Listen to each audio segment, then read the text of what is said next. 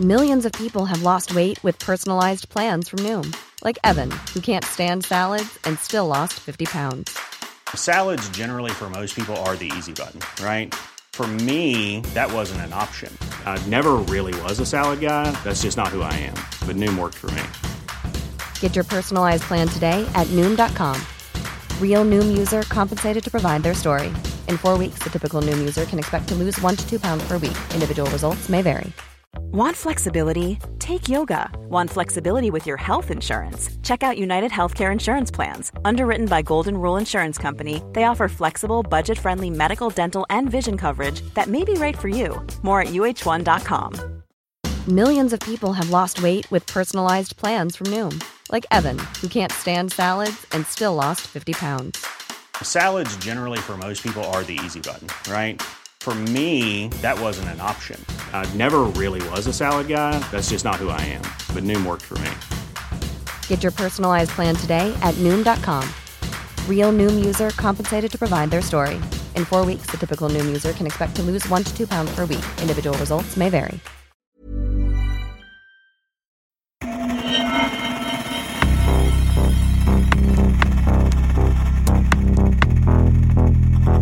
Expect more attacks on the government. They caused a lot of damage. On any computer crime, you want to look for the digital footprints. Dataintrång där interna handlingar läckte ut. shadowy group behind the hacking attack on the Federal Reserve. breaking into files. Beskriver dataintrången så mycket avancerade. This is just the beginning. We will respond, respond, respond, respond. Nätets mörka sida. Sanna historier om brottslighet på internet. Ja, men snälla, stäm mig i Japan istället. Jag har alltid velat åka dit. Och just det, jag har nästan slut toalettpapper. Så skicka gärna massvis med juridiska dokument till våran ISB. Helst tryckt på mjukt papper. Var vänlig och inse att någon som helst kontakt med oss, oberoende av medium, kommer resultera i A. En stämning för ofredande och B. Ett formellt klagomål, en anmälan till Advokatsamfundet för att ert juridiska ombud har skickat in grundlösa legala hotelser. Vi och våra advokater anser att ni är utvecklingsstörda, enfaldiga kräk som bör ägna er åt sodomi med teleskopbatonger. Var vänliga notera att era e-mail och brev kommer publiceras fullständigt på vår sajt. Fuck you! Hälsningar Alakata. Så blev svaren från den legendariska hackaren Anakata när några av världens största film-, spel och musikföretag skickade hotbrev efter hotbrev till honom och hans kompanjoner. Man kan lugnt säga att Anakata saknar de flesta sociala hämningar som hindrar andra människor från att uttrycka sig som han gjorde. Men vem var egentligen Anakata och hur kunde Anakata hamna i centrum för en av de mest uppmärksammade rättegångscirkusarna i svensk kriminalhistoria? Hur kunde en liten kaxig datanörd från Sverige bli internationellt efterlyst och jagad över hela världen, från Danmark till Kambodja? För att ta reda på det så behöver vi skissa fram historien om några av Sveriges mest ökända hackers och hur de hänger tätt ihop med debatten om ett fritt internet, fri information, bilder på mördade barn och en webbsida där besökarna sätter poäng på filmer där soldater skjuts ihjäl i kriget i Afghanistan. Det här är nätets mörka sida med mig, Marcus Borsklev.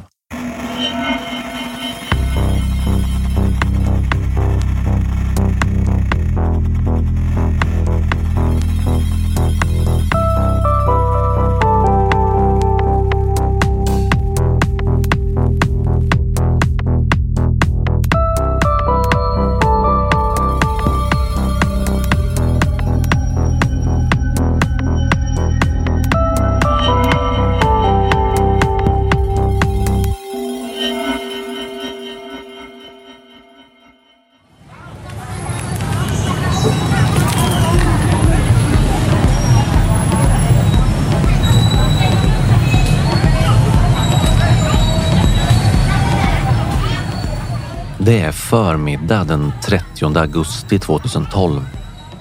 Ute på gatan på Sisawat Cay så är det proppfullt med turister från hela världen som dricker, festar, köper sex och tar droger. Ja, precis som det brukar vara en helt vanlig dag i Kambodjas huvudstad Phnom Penh. Längs eh, turiststråket så ligger Cadillac Bar. Det är ett ganska vanligt ställe med både haschrökande unga backpackers från Australien och alkoholiserade medelålders expats från Europa. Men idag ska något speciellt hända. Plötsligt stannar flera polisfordon utanför Cadillac Bar och rakt ut i den heta luften stormar en grupp kambodjanska polismän som snabbt tar sig in i byggnaden.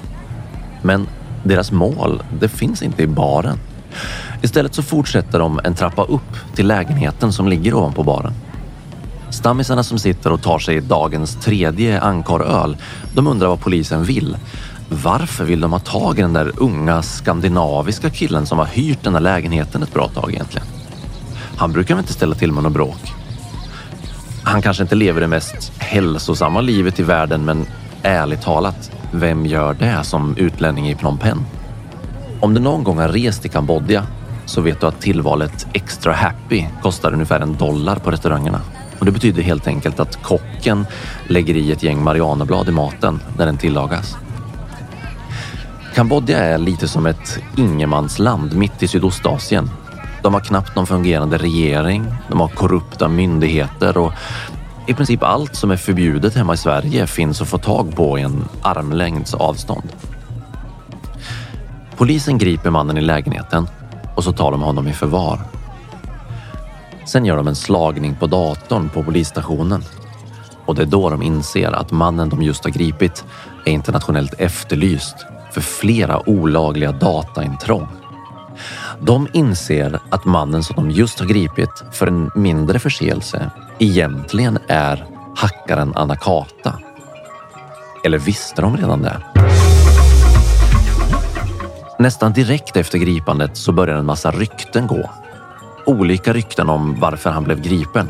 På Flashbacks forum så bubblar flera trådar nästan över med olika spekulationer.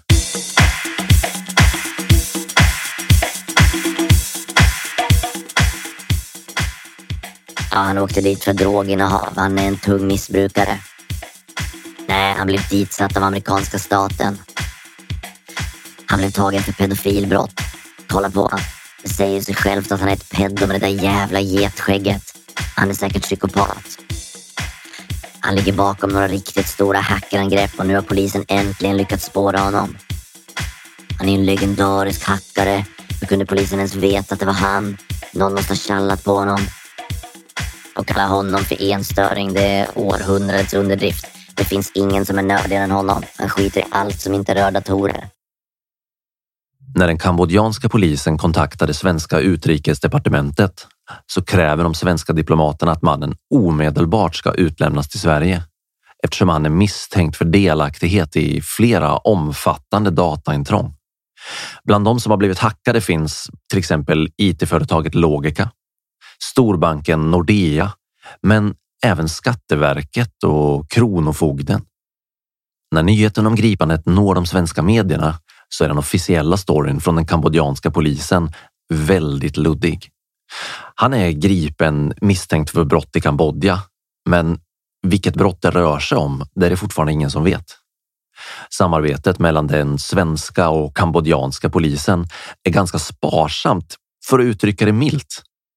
Men svensk polis hade jagat en ökänd mästerhackare i en mer än sex månader lång utredning före gripandet.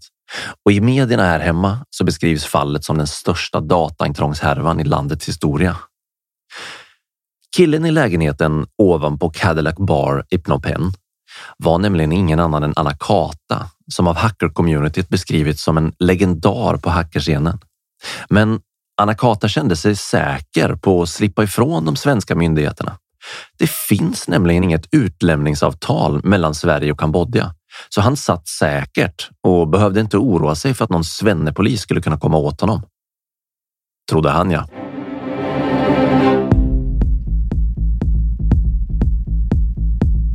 Anakata hinner inte sitta särskilt länge i det kambodjanska häktet innan han får veta att det som han trodde var omöjligt faktiskt har hänt. Han ska utlämnas till Sverige. Och sen går det fort. Det tar inte ens ett dygn innan hackers runt hela världen överbelastar kambodjanska myndigheters webbplatser och IT-system med stora DDoS-attacker. Anakata har blivit en digital martyr innan han ens har hunnit sätta sin fot i Sverige igen efter att ha varit på flykt undan myndigheterna i flera år.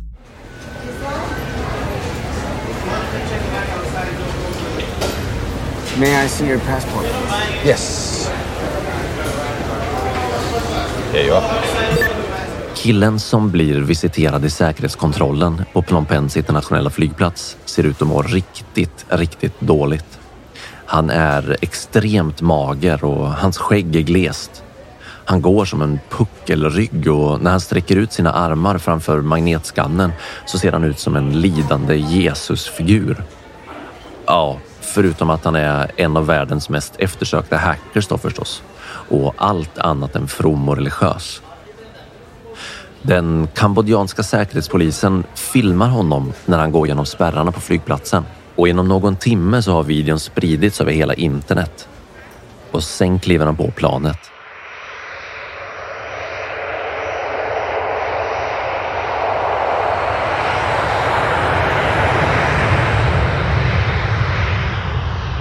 Anakata kliver på ett Boeing 747 och flyger mot sin vilja tillbaka till Sverige igen. Han är 27 år gammal, drogberoende och väger enligt ryktet mindre än 40 kilo när han kliver ut ur flygplanet på Arlanda flygplats. Ja, men som kommer inte riktigt än, de har inte lyckats upp dockningssystemet så ett litet tag till, till dess att framme. Så än en gång förbli sittande, vi inte riktigt framme än. Tack. Ladies and gentlemen, we're not quite at the gate yet, so please remain seated until we are at the gate and the seatbelt sign has been switched off. Thank you very much.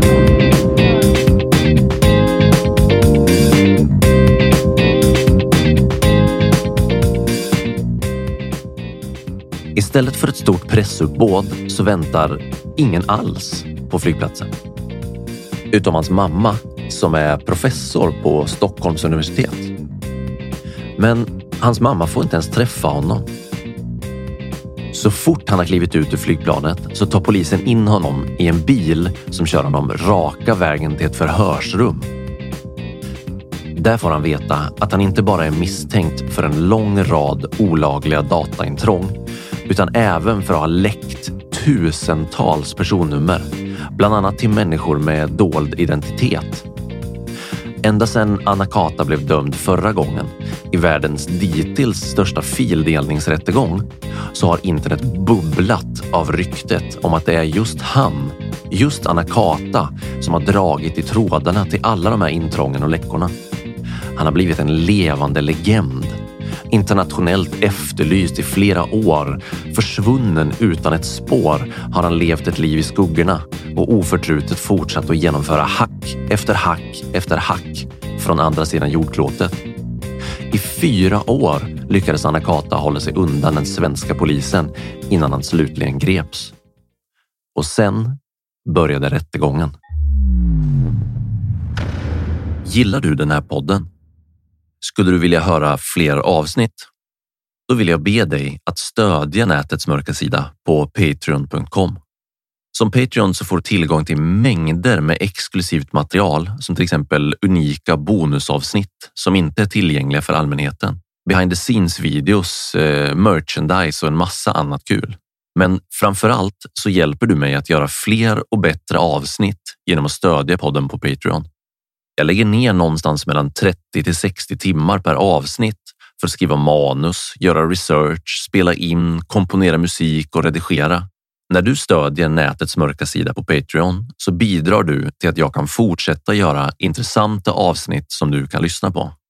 Gå in på www.patreon.com natets mörka sida och upptäck allt som du får tillgång till som Patreon www.patreon.com natets mörka sida.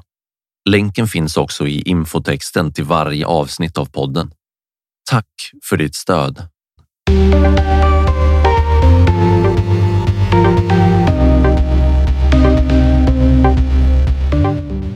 Under rättegången presenterar åklagaren en polisutredning som är flera hundra sidor lång. och full av skärmdumpar från den kontroversiella IRC-kanalen hashtag hack.se. Varför då? Jo, eftersom Anakata sedan lång tid tillbaka har varit en aktiv medlem i diskussionerna där.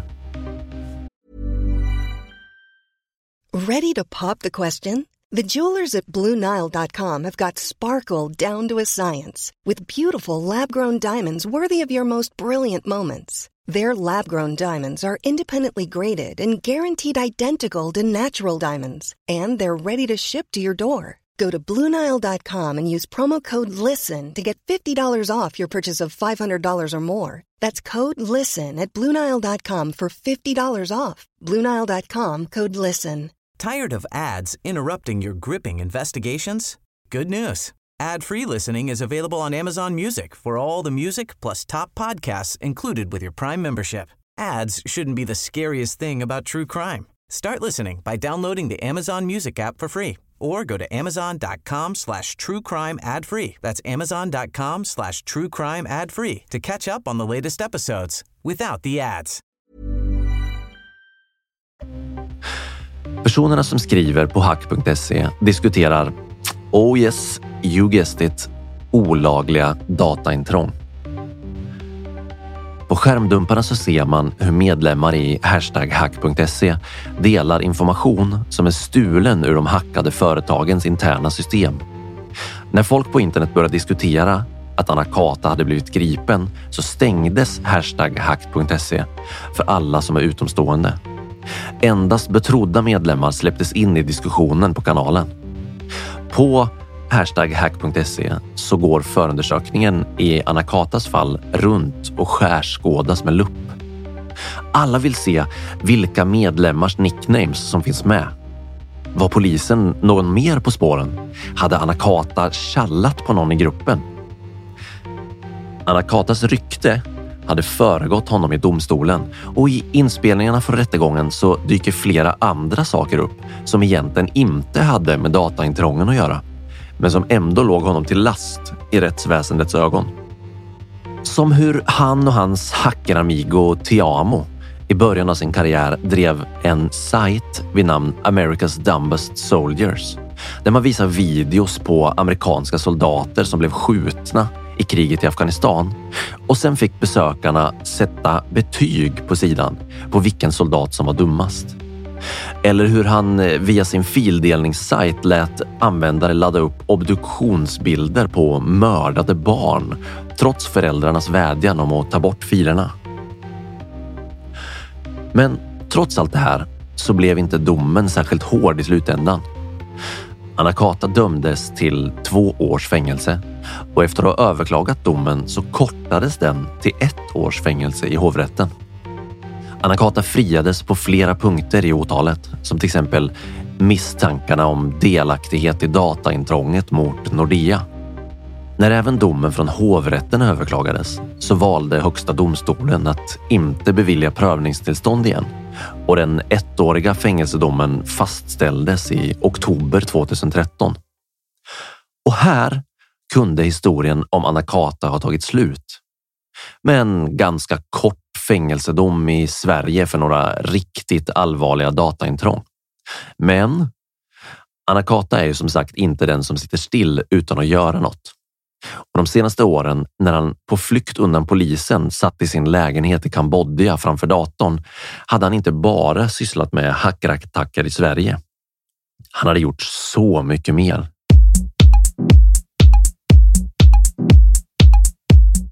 Ganska snart efter att det blev känt i resten av världen att Anakata hade utlämnats från Kambodja till Sverige så hörde den danska polisen av sig till det svenska rättsväsendet och begärde att Anakata skulle bli utlämnad till Danmark eftersom han var misstänkt för grova dataintrång även där. Det här skedde redan i juli 2013, men det skulle komma att dröja ända till november samma år innan han utlämnades till Danmark eftersom man inväntade hans överklagan av fängelsedomen till Högsta domstolen i Sverige. Och Sverige gick till slut danskarna till mötes och skickade ner Anakata till det danska rättsväsendet. Så Vad hade Anakata egentligen gjort som var så allvarligt i Danmark att det trumfade en ettårig fängelsedom i Sverige? Anakata var misstänkt för att ha hackat sig in i CSCs huvuddator och stulit ungefär hur mycket sekretessbelagda uppgifter som helst. Jaha, vadå CSC? Det tänker du kanske nu. Vad är det för något? CSC är en förkortning av Computer Sciences Corporation och det är ett av världens största IT-företag. Du har förmodligen, precis som jag, aldrig hört talas om CSC förut. De flesta människor har nog inte det, men CSC är alltså riktigt, riktigt stort. Ett av CSCs expertområden är just datasäkerhet och det betyder att de är ett väldigt prestigefullt mål för alla hackare som vill visa sig på styva linan. Tar man sig in där, då är man ingen söndagsseglare som leker lite på Darknet på fritiden. Nej, bryter man sig in på CC, då är man the real shit, the real deal. Och det var det som Anakata gjorde. Han bröt sig in på CC i deras huvuddator no less och stal sekretessbelagd information om miljontals danska medborgare.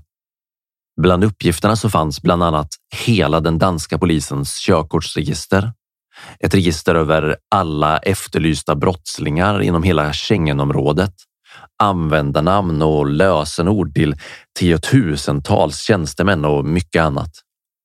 Det var sammantaget några av de största och mest ökända dataintrången som någonsin har gjorts i hela Norden. Så även om dataintrången som han dömdes för i Sverige var allvarliga, ja, därav fängelsedomen, så var det här av en helt annan dignitet. Den danska åklagaren yrkade på fyra års fängelse för Anakatas brott. Och den 31 oktober 2014 så dömdes Anakata till tre och ett halvt års fängelse i den danska byrätten. Anakata och hans advokater överklagade domen, men den fastställdes i landrätten i juni 2015. Allt hade gått åt skogen för den svenska mästerhackaren. Han hade gripits i landet där han trodde sig vara onåbar. Sen blev han dömd först för allvarliga hackebrott i Sverige, men inte nog med det. Han blev dessutom utlämnad till Danmark och dömd för ännu värre brott.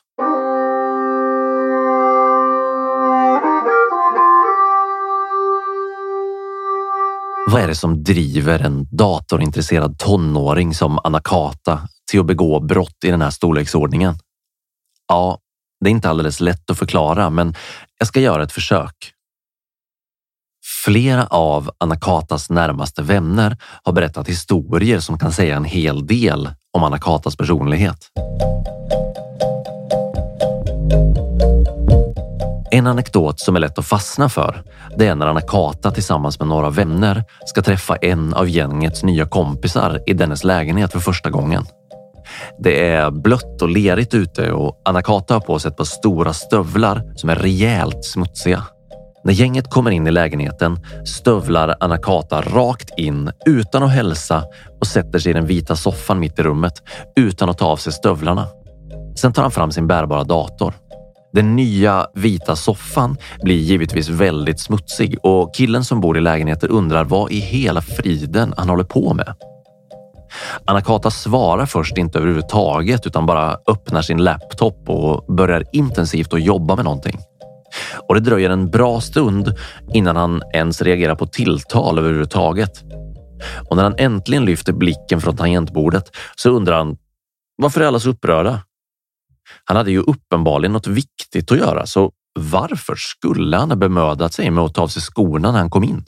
Varför skulle han ens ha hälsat? Varför skulle han ha reagerat på tilltal när han hade något viktigt att göra på sin dator?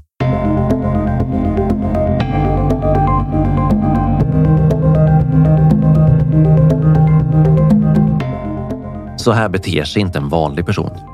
Det krävs en hög nivå av målmedvetenhet och respektlöshet för vanliga sociala koder för att bete sig så här mot folk man inte känner i deras eget hem. Särskilt om man är hos någon man aldrig har träffat förut. Och just respektlöshet, det är något som är återkommande i historien om Anakata. Vart han än dyker upp Oavsett sammanhang så är han alltid totalt respektlös mot auktoriteter och andra som är av en avvikande uppfattning mot honom själv. Det syns tydligt i alla mejlkonversationer som har offentliggjorts mellan honom och olika jurister. Det märks i förhören när man läser förundersökningsprotokollen och det faktum att han utan att tveka höll sig undan från polisen genom att resa till andra sidan jordklotet. Det säger någonting om hur han fungerar. Frågan är kanske vad som skulle kunnat hänt med en kille som har den här personlighetstypen om han hade hamnat i ett annat sammanhang. Ett sammanhang som inte hade lett honom till fleråriga fängelsestraff och ökända datorintrång. För eh, problemet som ledde honom in på IT-kriminalitet, det var inte brist på intelligens. Det märks tydligt när man följer Anakata genom livet och läser det som han har skrivit. Då man ser vad han har åstadkommit, även om det är olagligt och förkastligt, så inser man att det här handlar om en mycket intelligent person. En nästintill nihilistisk, anarkistisk och väldigt asocial person. Ja, absolut. Men den här killen är smart.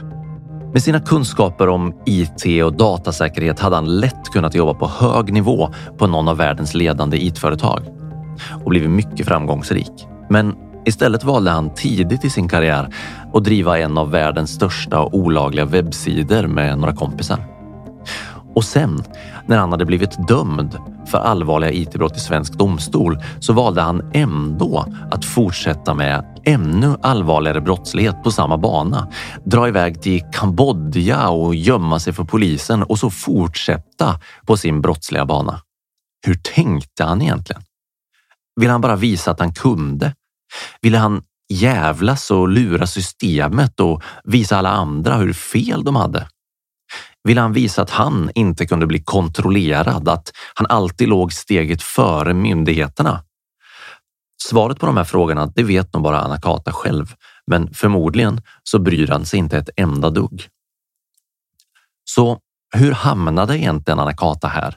Som en ökänd mästerhackare, jagad över hela världen, dömd till fleråriga fängelsestraff för dataintrång i två länder. Vilka var stegen han tog innan han begick dataintrång som landade honom mer än tre år i danskt fängelse? För att kunna förstå Anakata och sammanhanget som han befann sig i så behöver vi vända blicken iväg från honom själv och vidare till hans tidigare partner in crime, nämligen hackaren som är känd under namnet Brokep. Och Brokep, det är en helt annan typ av hacker. Det är en helt annan typ av person än Anakata.